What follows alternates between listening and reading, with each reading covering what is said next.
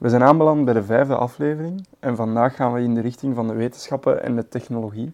Dat gaan we doen met professor Bram van der Borgt. Vertel eens, in welk domein ben jij precies professor? Ik ben professor in de robotica hier aan de VUB en ook een stuk aan Flanders Meek. En wij geloven dat eigenlijk mens en machine heel verschillende sterktes hebben en dat we die dus ook best laten samenwerken in complementaire teams. En dat voor toepassingen in de gezondheidszorg en ook in de maakindustrie. Wij hebben elkaar leren kennen op het evenement Homo Roboticus, waar ook een boek van is. Ja. Kan je eens de definitie van die Homo Roboticus geven? Ja, zoals eigenlijk Darwin het al eigenlijk goed wist, is het eigenlijk niet de sterkste die overleeft, maar eigenlijk degene die het best is aangepast aan zijn omgeving. En we gaan in een omgeving wonen en werken waar dat er eigenlijk meer en meer digitale invloeden zijn, en met de opkomende robotica en ook artificiële intelligentie. En dat betekent dat we eigenlijk ook ons moeten aanpassen aan die nieuwe technologie. Nu, dat betekent niet dat we ons daaraan moeten onderwerpen, maar we moeten daar eigenlijk de baas in blijven. En dus heel het Homo Roboticus event ging dus eigenlijk hoe, hoe krijgen we eigenlijk de humanistische waarden van gelijkheid, vrijheid en verbondenheid, hoe blijven die centraal in zo'n AI- en robotwereld. Dus dat ging heel breed, van eigenlijk ook niet alleen de technische aspecten, maar ook rond zorg, ethiek, privacy, het wettelijke enzovoort. En we hebben dus eigenlijk met meer dan 56 proffen eigenlijk dat boek geschreven en dan eigenlijk voorgesteld inderdaad in de munt met een show met kunstenaars enzovoort. Want het is jullie bedoeling om ook aan te tonen dat we daar eigenlijk geen bang van moeten hebben. Nee, we hebben dus ook een enquête gedaan bij duizend Belgen in samenwerking met KNAK. Omdat we inderdaad weten dat er heel veel angst is rond robotica en AI. En we zien dat ook. Hè. Ik geloof dat 70% van de Belgen denkt dat robotica en AI meer jobs gaan vernietigen dan er nieuwe gaan creëren. En dat ook 60% denkt dat ook hun eigen job vervangen kan worden. Anderzijds kwamen we uit die cijfers, en dat is ook wel een paradox, dat eigenlijk de meerderheid ook wel de voordelen van die robotica en die AI ziet.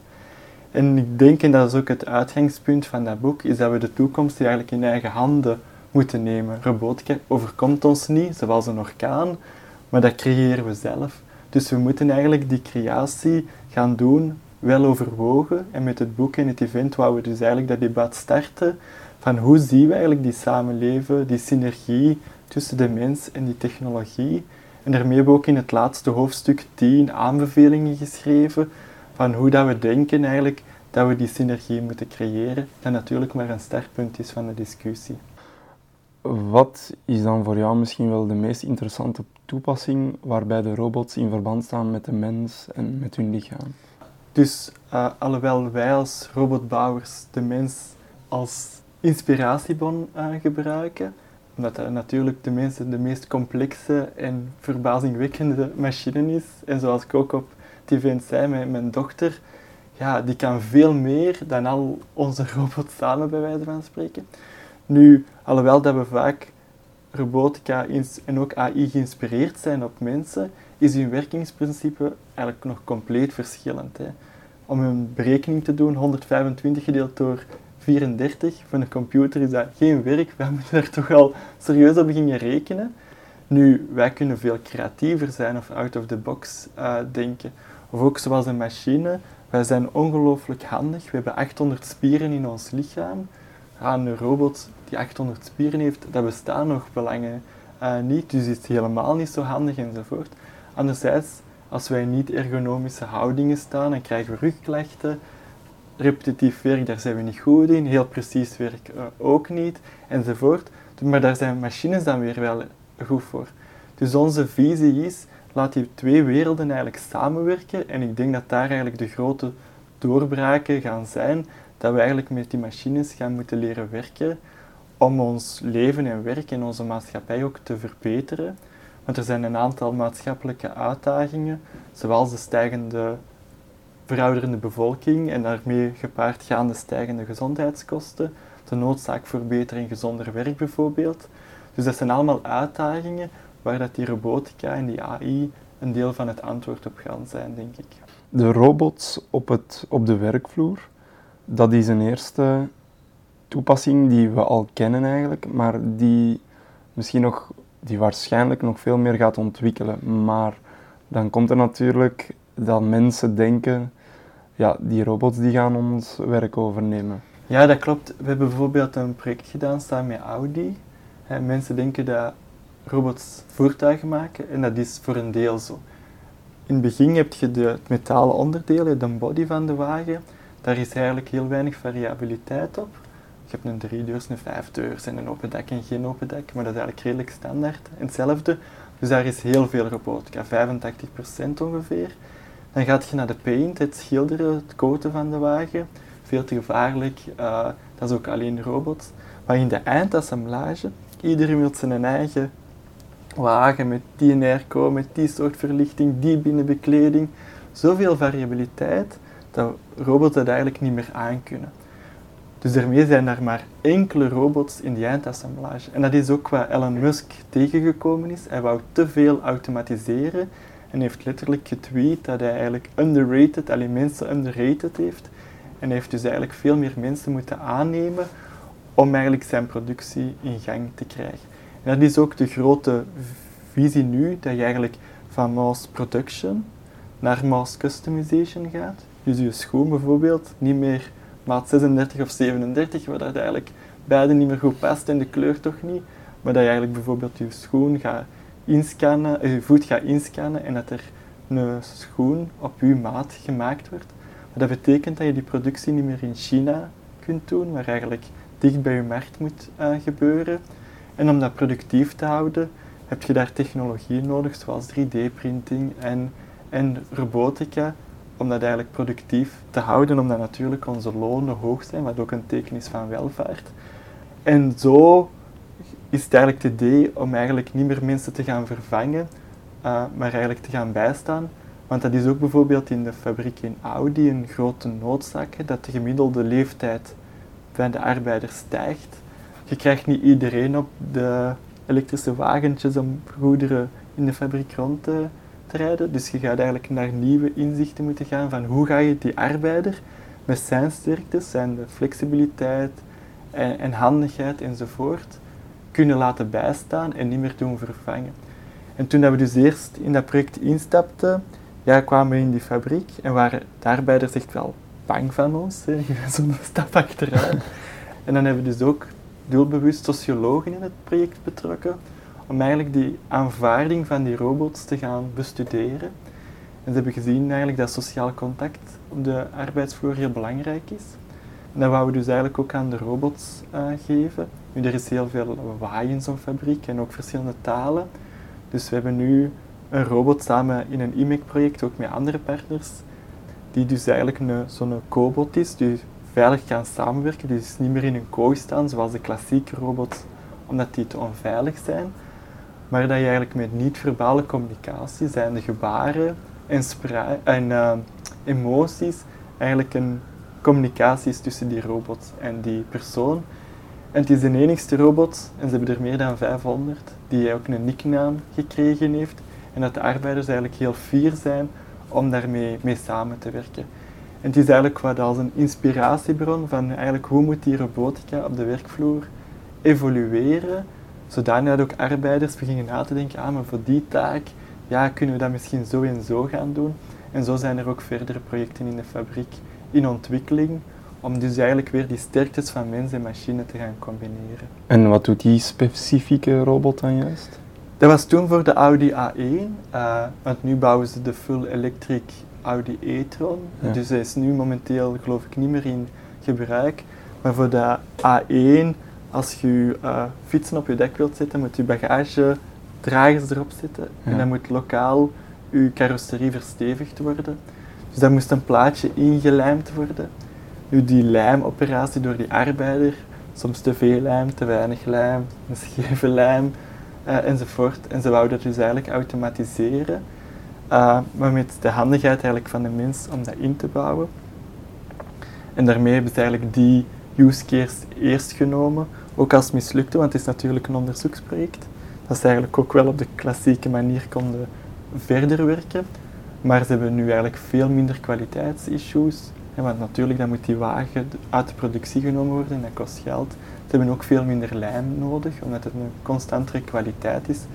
Uh, en de arbeiders zijn heel tevreden om ermee samen te werken. Wat robots op de werk, werkvloer nog doen, is, wat ik ook las in jullie, in jullie boek, is het gevaarlijke, het saaie en het vuile werk. Wat dat eigenlijk wij inderdaad niet, niet zo interessant vinden. Ja, zoals bijvoorbeeld die, het schilderen van de wagen. Dat is ja, voor de gezondheid. Stukken uit ovens halen bijvoorbeeld en zo, dat is helemaal heel zwaar. Een van de arbeiders waar we toen hebben mee samengewerkt, die zei nog, ja, ik heb de eerste golf van robotisering zien binnenkomen, waar wij met de lastanje heel zwaar omstandigheden dat moesten doen. Ja, die tijd is volledig voorbij natuurlijk. En nu doen al die, die robots die, die lasoperaties. Ik denk dat moesten die robots daar niet zijn, dat die fabriek al lang naar het buitenland was verhuisd.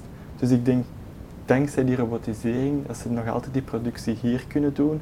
En dat we ook eigenlijk zo'n wagen aan een redelijk goedkope prijs tot bij ons uh, krijgen. Want als je ziet hoeveel componenten en met welke precisie en voor welke eigenlijk redelijke oké prijs dat dat bij ons geraakt. Je moet maar eens een keuken laten installeren of, of zelfs maar een trekhaak bij wijze van spreken op een wagen waar dat er iets handenarbeid aan te pas komt, dan gaat dat onmiddellijk de hoogte in. Dus ik denk dat die robotisering ook wel die producten goedkoper heeft gemaakt.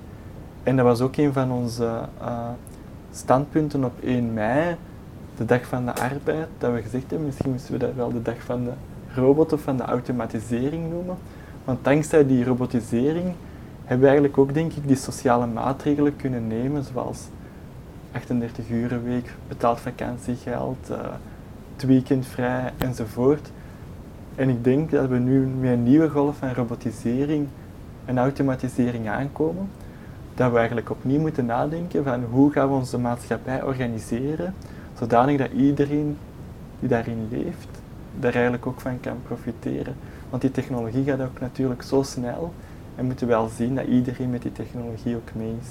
Nog een andere toepassing op de werkvloer, die ik ook in het boek zag, zijn de exoskeletons. Ja, dus Dat is iets, dat, dat klinkt exotisch, maar dan moet je misschien... Het is ook nog heel exotisch. Exoskeletons zijn eigenlijk draagbare robots, eh, of robotpakken, die eigenlijk je fysieke kracht gaan verstevigen. Je moet maar eens je uh, plafond thuis schilderen. Je arm valt er dan precies af, dat is heel zwaar. Maar je moet dat maar inbeelden dat je als arbeider dat dagelijks moet doen om onder de wagen operaties uit te voeren. En daarvoor zijn er dus heel wat ontwikkelingen om eigenlijk die draagbare robotpakken te maken om die fysieke lasten van die arbeider te doen verminderen. Dat is dan steun aan de armen, aan de schouders. Je hebt ook bijvoorbeeld, wij ontwikkelen die bijvoorbeeld voor de lage rug, hè, voor het optillen van zware lasten, bijvoorbeeld verpleegsters of bouwvakkers, die dan eigenlijk lage rugklachten krijgen omdat ze eigenlijk hun, hun rug te veel belasten en daarvoor een exoskeleton. Er bestaan ook exoskeletons en die ontwikkelen we ook voor mensen bijvoorbeeld die moeilijkheden hebben door een spierzwakte, om recht te komen uit de stoel of om terug te leren stappen. Tissues daar, ja, dat zijn eigenlijk nog altijd heel dure toestellen vaak, omdat ik vergelijk het vaak, die worden gemaakt zoals een Ferrari, manueel in voor in elkaar draaien. Maar als je kijkt naar het aantal componenten, dat is veel minder dan een wagen. Dus als we dat in diezelfde mate en met serieproductie kunnen gaan maken, gaat volgens mij die prijs serieus uh, zaken en eigenlijk beschikbaar worden van iedereen. Maar er is toch wel heel wat onderzoek nodig om die machines op punt te stellen. En er bestaan al verschillende bedrijfjes, jonge bedrijfjes, die die proberen op die markt te komen. En zo zijn we ook samen testen met de sociologen opnieuw, maar ook mensen van de menselijke fysiologie. Die gaan bestuderen wat is echt de impact van, die, van het exoskeleton op het menselijk lichaam. Want je kunt zo'n robotpak wel aan hebben, maar dat is natuurlijk extra massa op je, op je lichaam. als je een rugzak draagt, ja, dan bij het stappen ga je natuurlijk wel meer verbruiken dan zonder die rugzak. Nu, als je gaat assisteren, maar zo, ons lichaam heeft heel veel bewegingsvrijheid en die exoskeletons kunnen dat ook allemaal niet, niet aan. Dus wat gaat de impact zijn van die technologie op je lichaam? En dat is ook altijd onze visie binnen uh, de VUB, hoe ga je eigenlijk een probleem van heel veel verschillende disciplines eigenlijk gaan aanpakken.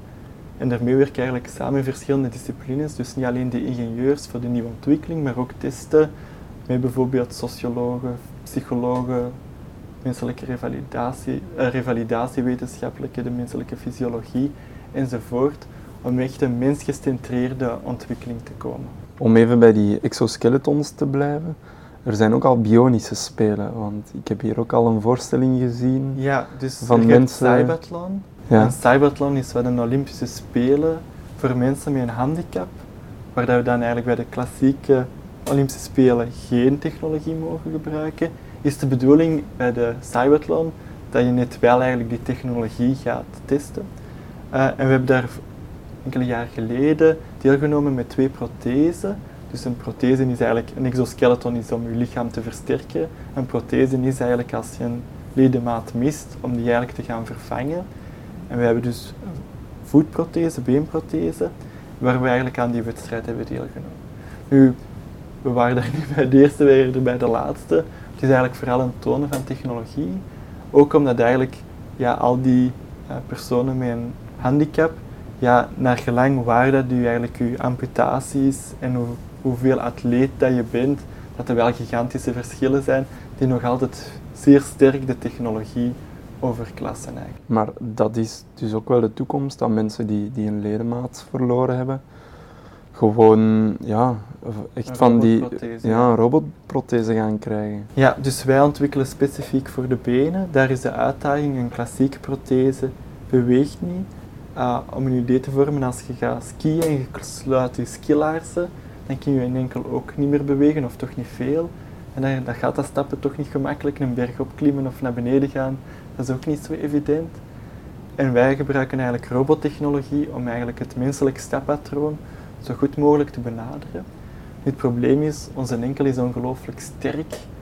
Om een idee te geven, als we twee bakken bier op onze hand zetten, het koppel, of dus de kracht die we voelen in onze schouder, dat is wat een enkel elke stap genereert. Dus om dat te doen met een elektrische motor, heb je enkele kilogram motor nodig, dat die prothese zo zwaar maakt, ja, dat de rest van je lichaam dat wel naar voren en naar achter moet zwaaien, dat dat eigenlijk niet interessant is. Dus dan gaan wij kijken van hoe beweegt een mens. En onze spieren zijn eigenlijk heel elastisch, uh, waar dat we eigenlijk energie kunnen opslagen en terug vrijgeven, zoals een bosbal eigenlijk. En die principes steken we dan eigenlijk in die prothese. Dus we inspireren ons op het menselijk lichaam om die prothese zo energie-efficiënt mogelijk te maken met heel kleine motoren. Is het dan ooit de bedoeling om echt tot ja, de perfectie te komen en zeg maar het perfecte menselijk lichaam na te bootsen in zo'n prothese? Gaat dat kunnen? Uh, menselijk lichaam is zo complex dat het denk ik nog heel lang gaat duren voordat we dat echt kunnen benaderen of overtreffen, toch op het mechanisch uh, gebied. Nu, wat ze wel bezig zijn, is eigenlijk voor de aansturing van die prothese onderzoeken we nu AI om eigenlijk te gaan leren. Ja, nu staat hem een trap op te lopen of nu gaat hem sneller, dus die prothese moet meer of minder energie doen. Want tijdens de wedstrijd moest die piloot, zoals we dat noemden, op een touchscreen op zijn uh, uh, hand nog altijd aanduiden, trappen. Dat is natuurlijk niet zo handig in het dagelijks leven. Wat we nu evolueert is eigenlijk naar brain-machine interfaces, waar je eigenlijk op verschillende plaatsen in het lichaam je zenuwstelsel gaat eigenlijk aftappen, ofwel met pinnetjes in, het, in, de, in de hersenen, ofwel met een soort kap met elektrodes op, het, op de schedel. Dan heb je natuurlijk al meer ruis uh, erop. Uh, ofwel rond de zenuwen van alles gaat doen, om eigenlijk die signalen eigenlijk op te vangen die anders van de hersenen naar de spieren gaan om die spieren aan te sturen, die dan eigenlijk die gaan dienen om die robotprothese eigenlijk aan te sturen. Ofwel omgekeerd, om sensorgegevens, omdat onze zintuigen zijn weggevallen, om die signalen terug te sturen naar de hersenen. Dat zou het dan allemaal vergemakkelijken, het bewegen. Ja, want dan hoef je daar eigenlijk alleen maar over na te denken. En dan beweegt de prothese of doet de computer wat gewenst is. Uh, en dat was ook eigenlijk een van de disciplines op die Cybertron event om een computerspel te spelen door enkel na te denken. Iets anders dan, robots in de huiskamer. Dat is ook iets wat we in de toekomst waarschijnlijk wel veel gaan tegenkomen. Ja, wat we nu al zien zijn bijvoorbeeld de stofzuigrobots of de grasmaaierrobots. Dat is echt een niche robots die eigenlijk wel al een redelijk marktaandeel hebben. Het zijn niet alleen meer de nerds die dat hebben, maar het begint ook echt wel nuttig uit te zijn. Dan zie je ook de opkomst van de slimme luidsprekers. En bijvoorbeeld Alexa en Google en zo hebben die toestellen waar je tegen praat en dat die muziek gaat spelen enzovoort. Het heeft natuurlijk ook wel privacy uh, issues. Ehm, ik denk dat de volgende stap is dat eigenlijk die slimme luidsprekers ook wat gaan bewegen en gaan fysiek gaan interageren. Uh, daar was een bedrijf van een MIT-professor, uh, dat noemde Jibo, was ontzettend populair op Kickstarter, maar heeft ondertussen de, de boeken neergelegd en uh, de robot heeft een uh, farewell dansje gedaan, want de servers werden afgesloten, omdat het bedrijf ja, echt nog maar helemaal geschrompen is tot niks. Ik denk dat het probleem was dat eigenlijk er te veel beloofd was. Dat eigenlijk de, en dat het bedrijf dat eigenlijk niet heeft kunnen inlossen, omdat natuurlijk zo sociale interactie is heel uitdagend. Hè. Als je iets mee naar Alexa zegt, regelmatig heeft het niet verstaan of doet een foute dingen en, enzovoort. En ja, dat leidt dan tot ergernis. Uh, natuurlijk, uh, hoe dat je robot eruit ziet, gaat eigenlijk in grote mate een effect hebben op het verwachtingspatroon. Als je een robot zonder armen ontwikkelt, dan ga je daar ook nooit aan vragen om koffie te brengen. Want ja. je ziet duidelijk dat je dat niet kan. We hebben andere robots wel met armen. Ja, en mensen vragen, kan je koffie brengen, kunnen er een hand aan geven, enzovoort. En dat is allemaal niet zo triviaal. Ook daar weer, dat is wel de paradox. En dat eigenlijk zaken die voor ons super eenvoudig zijn, dat die voor robots kei moeilijk zijn. Maar dingen die voor robots heel gemakkelijk zijn, dan voor ons weer heel moeilijk zijn. Zoals die berekeningen doen of de weg vinden naar een bestemming. En de reden waarom dat die triviale zaken voor ons zo eenvoudig zijn, is omdat eigenlijk door jaren van miljoenen jaren evolutie, dat al die zaken voor ons geoptimaliseerd zijn en bij wijze van spreken heel triviaal geworden zijn. Het openen van een deur, wandelen enzovoort. Maar dat zijn gigantisch complexe zaken en dergelijke evolutie is hier eigenlijk nog niet in die robotica gebeurd. En daarmee dat dat eigenlijk die triviale zaken zo, zo moeilijk zijn. Het is dus nog niet voor meteen dat we thuis een butlerrobot hebben die voor ons staat te koken en koffie staat dat te brengen. Dat denk ik niet, nee. Uh, tenzij dat je natuurlijk een speciale machine voor elk ontwikkelt, maar een general purpose, een machine die bij wijze van spreken al onze capaciteit thuis kan kunnen doen, dat is nog een gigantische uitdaging. In een fabriek is eigenlijk uw omgeving veel meer geoptimaliseerd voor een bepaalde productie. Bijvoorbeeld als je robot moet zien, een speciale lamp, zodanig dat hem goed die onderscheid kan maken. Bij onze omgeving zien we een bureau vol rommel. Ja, laat hier eens maar eens een, een robot zijn werking gaan. Dat is voor hem een volledig ongekende situatie die ook continu evolueert. En om daarin te werken is dat natuurlijk een gigantische uitdaging. En dat zie je bijvoorbeeld ook in de zelfrijdende wagens. Die basistechnologieën die bestaan allemaal, maar die fine-tuning om in alle mogelijke en onvoorzienbare omstandigheden daar veilig door dat verkeer te navigeren, ja, dat is een gigantische uitdaging. Maar dat de vraag is, hoe, hoe ver gaat het, hoeveel ontwikkelingstijd is er nog? Zeker daar zijn er, ik weet niet hoeveel, maar waarschijnlijk duizenden ingenieurs op aan het werken. Dus dat is een gigantische werkkracht om dat op te lossen, waar heel veel geld in wordt geïnvesteerd.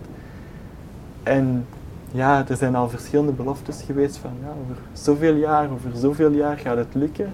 Maar je ziet dat dat toch nog altijd een gigantische uitdaging is. Je vindt het dus ook logisch dat, dat robots uiteindelijk nog fouten maken en dat het gevaar ook nog niet helemaal weg is dan? Nee, en ik denk zelfs dat we dat gevaar nooit volledig weg kunnen doen, omdat er altijd zaken gaan zijn waar dat de robot nog nooit is in geweest en dus ook niet, soms niet gaat weten wat hem gaat ga moeten doen. En ze proberen dat natuurlijk te verhinderen door daar zoveel mogelijk training op te, te doen. En dat is natuurlijk ook bijvoorbeeld het slimme aan Elon Musk, dat al zijn wagens die software heeft runnen en als de, de wagen iets, de chauffeur iets anders doet dan de wagen voorspeld heeft, dan kan hem die data nemen en uploaden om te zien ja, waar zit ons systeem nog niet fout. Nog fout, terwijl bijvoorbeeld Google mensen moet betalen om die miljoenen wagens zelfrijdend te wagen. Dus zelfrijdend te krijgen. Maar je gaat dus eigenlijk die AI-systemen moeten trainen, wat heel veel tijd uh, vergt. En ik denk dat je dat nooit volledig gaat kunnen aansluiten. Nu, aan de andere kant is, in België vallen er jaarlijks 600 of meer doden per jaar. Uh, de vraag is, gaan die zelfrijdende wagens misschien niet beter doen? Misschien gaat af en toe hebben dat hem toch een fout gaat doen. Maar als we kijken, hoe rijden wij? Wij rijden ook onder invloed, niet aandachtig gaan bellen. Uh, misschien veel te laat dat we moe zijn. Uh, dus we nemen ook verschillende niet-ethische beslissingen, waardoor dat er heel veel ongevallen zijn. Uh, dus ik denk dat dat ook een maatschappelijk vraagstuk kan zijn. Wat gaan we daarmee doen? Want we, misschien kunnen we wel drastische maatregelen nemen. Hè, dat we, als er mensen in het verkeer zijn, we maar maximum 30 per uur mogen rijden. Uiteindelijk op de lengte van uw tijd om van A naar B te gaan, gaat dat veel minder belang hebben. 10 minuten later aankomen, ja, je zit toch aan het werken of tv aan het zien enzovoort. Dus die notie van tijd gaat, veranderen en misschien kunnen we dan gewoon ja, daarin veel veiliger uh, gaan. Maar dat is eigenlijk ook het maatschappelijke debat dat daar moet ontstaan. Ja, welke risico's willen we wel nemen? Ik vind het fenomenaal bijvoorbeeld dat we die robots in een fabriek soms gigantisch moeten afschermen met allemaal sensoren. Terwijl dat ik met mijn dochter in een treinstation kan gaan waar een trein tegen 120 per uur doorvlamt zonder enige veiligheidsbarrière. Terwijl zo'n robot inderdaad misschien iets kan doen, maar dat zijn ook wel gespecialiseerd personeel die daarmee moet omgaan. Dus ja, dat zijn ook misschien wel contradicties in onze maatschappij. Het uiteindelijke doel van die toepassing van, van de robot is natuurlijk om onze levenskwaliteit te verbeteren. En er zijn wel al bijzondere toepassingen, want hier ligt er zo eentje, zo'n knuffelrobot. In, in de zorgsector zijn er echt wel resultaten, heb ik het gevoel. Ja, overal denk ik zijn er wel uh, resultaten, maar inderdaad het gebruik van sociale robots, zoals we dat noemen, in de zorgsector heeft zeker potentieel. Ook daar was de eerste vrees van, ja, dat gaat die, de taak van die verzorgers overnemen. Ik denk dat ze helemaal niet bang moeten zijn, zeker met de verouderende bevolking, dat er meer dan genoeg werk erin gaat zijn. Uh, en we ontwikkelen inderdaad die robots voor educatie en onderwijs en zorg enzovoort. Nu, ook daar weer die sociale interactie is een gigantische uitdaging. Hoe vaak nu onderzoek gebeurt, is dat eigenlijk die robot zelf niet die intelligentie heeft om met die, dat kind bijvoorbeeld te interageren, maar dat er iemand achter een computer verstopt zit en als dat kind iets vraagt, dat hij dan eigenlijk antwoordt en dat er eigenlijk een shared autonomie is. Wat wij trachten te doen is zoveel mogelijk autonoom te gaan, maar wel altijd onder die condities dat er iemand, een therapeut, bij moet zijn om eigenlijk te superviseren. Niet meer de seconde tot seconde controle van die machine, maar wel, ja, waar gaat hij naartoe en wat zijn de hoofdinteracties? En zodanig dat eigenlijk de therapeut altijd wel ook kan ingrijpen. En ook dat eigenlijk de therapeut meer tijd heeft om op dat moment op het kind te concentreren. Uh, maar dat de anders vroeger tijd nodig had om eigenlijk ja, als voorbeeld te dienen in bijvoorbeeld sociale interactie. Dat daar naar de robot verschoven wordt, heel dat mechanische, kijken en wijzen, bijvoorbeeld voor kinderen met autisme. En dat de therapeut dan op dat moment het kind beter kan helpen. Ja. Je hebt de kinderen, maar je hebt ook de senioren die ervan gebruik maken in de rusthuizen. Dus je hebt in verschillende rusthuizen. Nu, daar denk ik een grote uitdaging is, uh, je hebt die technologie, uh, maar die heeft nog heel veel beperkingen. En die moet eigenlijk ingeschakeld worden in een zorgproces. Dus dat is niet voldoende om hier is een robot en uh, salut en trekt er je plan mee. Maar daar moeten eigenlijk mensen wel voor opgeleid worden en die moeten eigenlijk in staat zijn eigenlijk het beste uit die robot te halen. Want dan zien we vaak dat het na enkele weken of maanden in de kast belandt. Omdat hem een keer gevallen is en het is een beetje kapot of toch niet de verwachting heeft kunnen inlossen. Ja. Uh, dus is eigenlijk wel heel veel nog nodig. En wat men vaak ziet is dat men eigenlijk een, de korte toekomst eigenlijk overschat. Ja, dat kan al veel meer, maar eigenlijk de lange toekomst onderschat. En eigenlijk dus in technologie op lange termijn de impact onderschat. Hè. Mhm. Bijvoorbeeld de impact van de smartphone op ons dagelijks leven. Voor de lancering van die iPhone hadden we nooit gedacht welke impact dat zou hebben op ons op ons leven. En het is ook helemaal anders waarschijnlijk gelopen dan dat we toen konden voorspellen.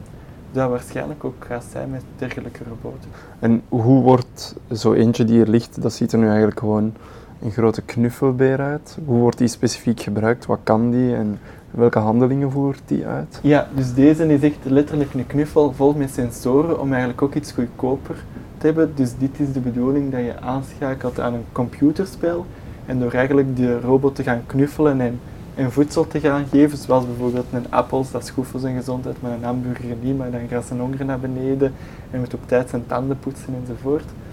Nu onze echte robotversie daarvan, die kan dus eigenlijk met zijn motoren uh, emoties gaan uitdrukken. Lachen en droevig zijn enzovoort. Nu, om als mens emoties uit te drukken, hebben we ongeveer 44 spieren of spiergroepen. Dat is natuurlijk veel te veel om 44 motoren in zo'n hoofdje uit te proppen. Dus wij doen het eigenlijk met veel minder uh, motoren. Dus dat betekent dat we niet alle emoties ook kunnen tonen. Maar bijvoorbeeld met het voordeel soms dan weer is dat dat heel repetitief is. Dat bijvoorbeeld voordeel heeft naar kinderen bijvoorbeeld met autisme, die vaak van repetitieve zaken prefereren. En ook eigenlijk meer cartoon-like is, zodanig dat al die variaties, dat dat eigenlijk redelijk standaard is, zodanig dat die voor die kinderen beter te begrijpen is. Onze bedoeling is altijd eigenlijk te gaan naar betere mens-mens interactie. Het is natuurlijk niet onze doelstelling om een goede mens-robot interactie in dat geval te hebben, maar het gaan onderzoeken is samen met psychologen, om eigenlijk als tool te gebruiken, als gereedschap voor de therapie. Het is eigenlijk, ja, al, die toepassingen, we gaan eigenlijk ooit waarschijnlijk samenleven naast de robots. En dan was er eentje op het uh, evenement Homo Roboticus die natuurlijk nog meer tot de verbeelding spreekt. En dat was een sekspop. Ja, dus dat was ook geen robot om duidelijk te zijn, dus die bewoog ah, ook niet. Dus dat was echt een pop die volledig passief is. Nu, die ontpoppen worden ook dan uitgerust met robotica-technologie, zodanig dat die terug gaan praten, dat je er een gesprek mee kunt hebben, dat dat warm en beweegt op bepaalde plaatsen. Misschien in details gaat treden.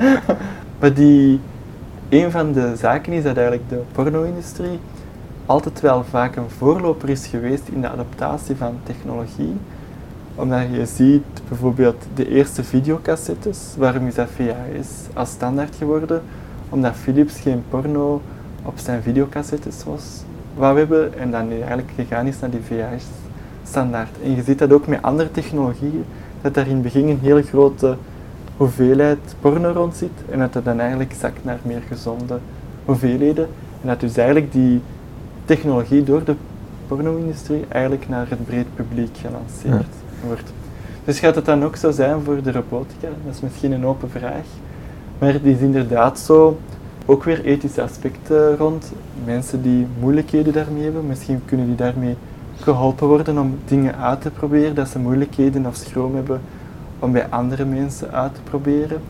Uh, ik heb net in de krant gelezen dat er ook voor mensen met een beperking, dat daar nu specifiek ook van die sekspoppen voor gebruikt worden. Anderzijds, bijvoorbeeld de pop die, die we daar hadden, die was ook redelijk jong natuurlijk. En mogen bijvoorbeeld nog jonger gaan, dat je bijvoorbeeld een sekspop als een kind hebt. Uiteindelijk, of dat dat nu een kind of een volwassene of een, een wasmachine is, dat is uiteindelijk maar wat draden en motoren en plastic in een bepaalde configuratie. Maar natuurlijk ga je daar dan bijvoorbeeld pedofielen mee helpen, zodanig dat ze zich niet vergrijpen aan, aan echte kinderen. Dat is misschien dan een heel goede zaak. Anderzijds gaan ze misschien zo daarin versterken. Dus daar is nog wel heel wat onderzoek nodig. Wat zijn eigenlijk de ethische grenzen en de consequenties van het gebruik van, van die technologie of die of die toepassen.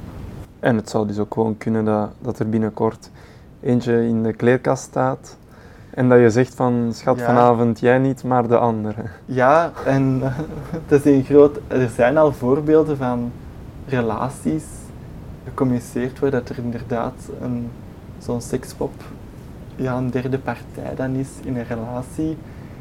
Is dat ook bijvoorbeeld overspel? Bijvoorbeeld? Uh, en wat heeft de invloed van de de media daarop of dat die dat wel of niet aanvaard gaat worden.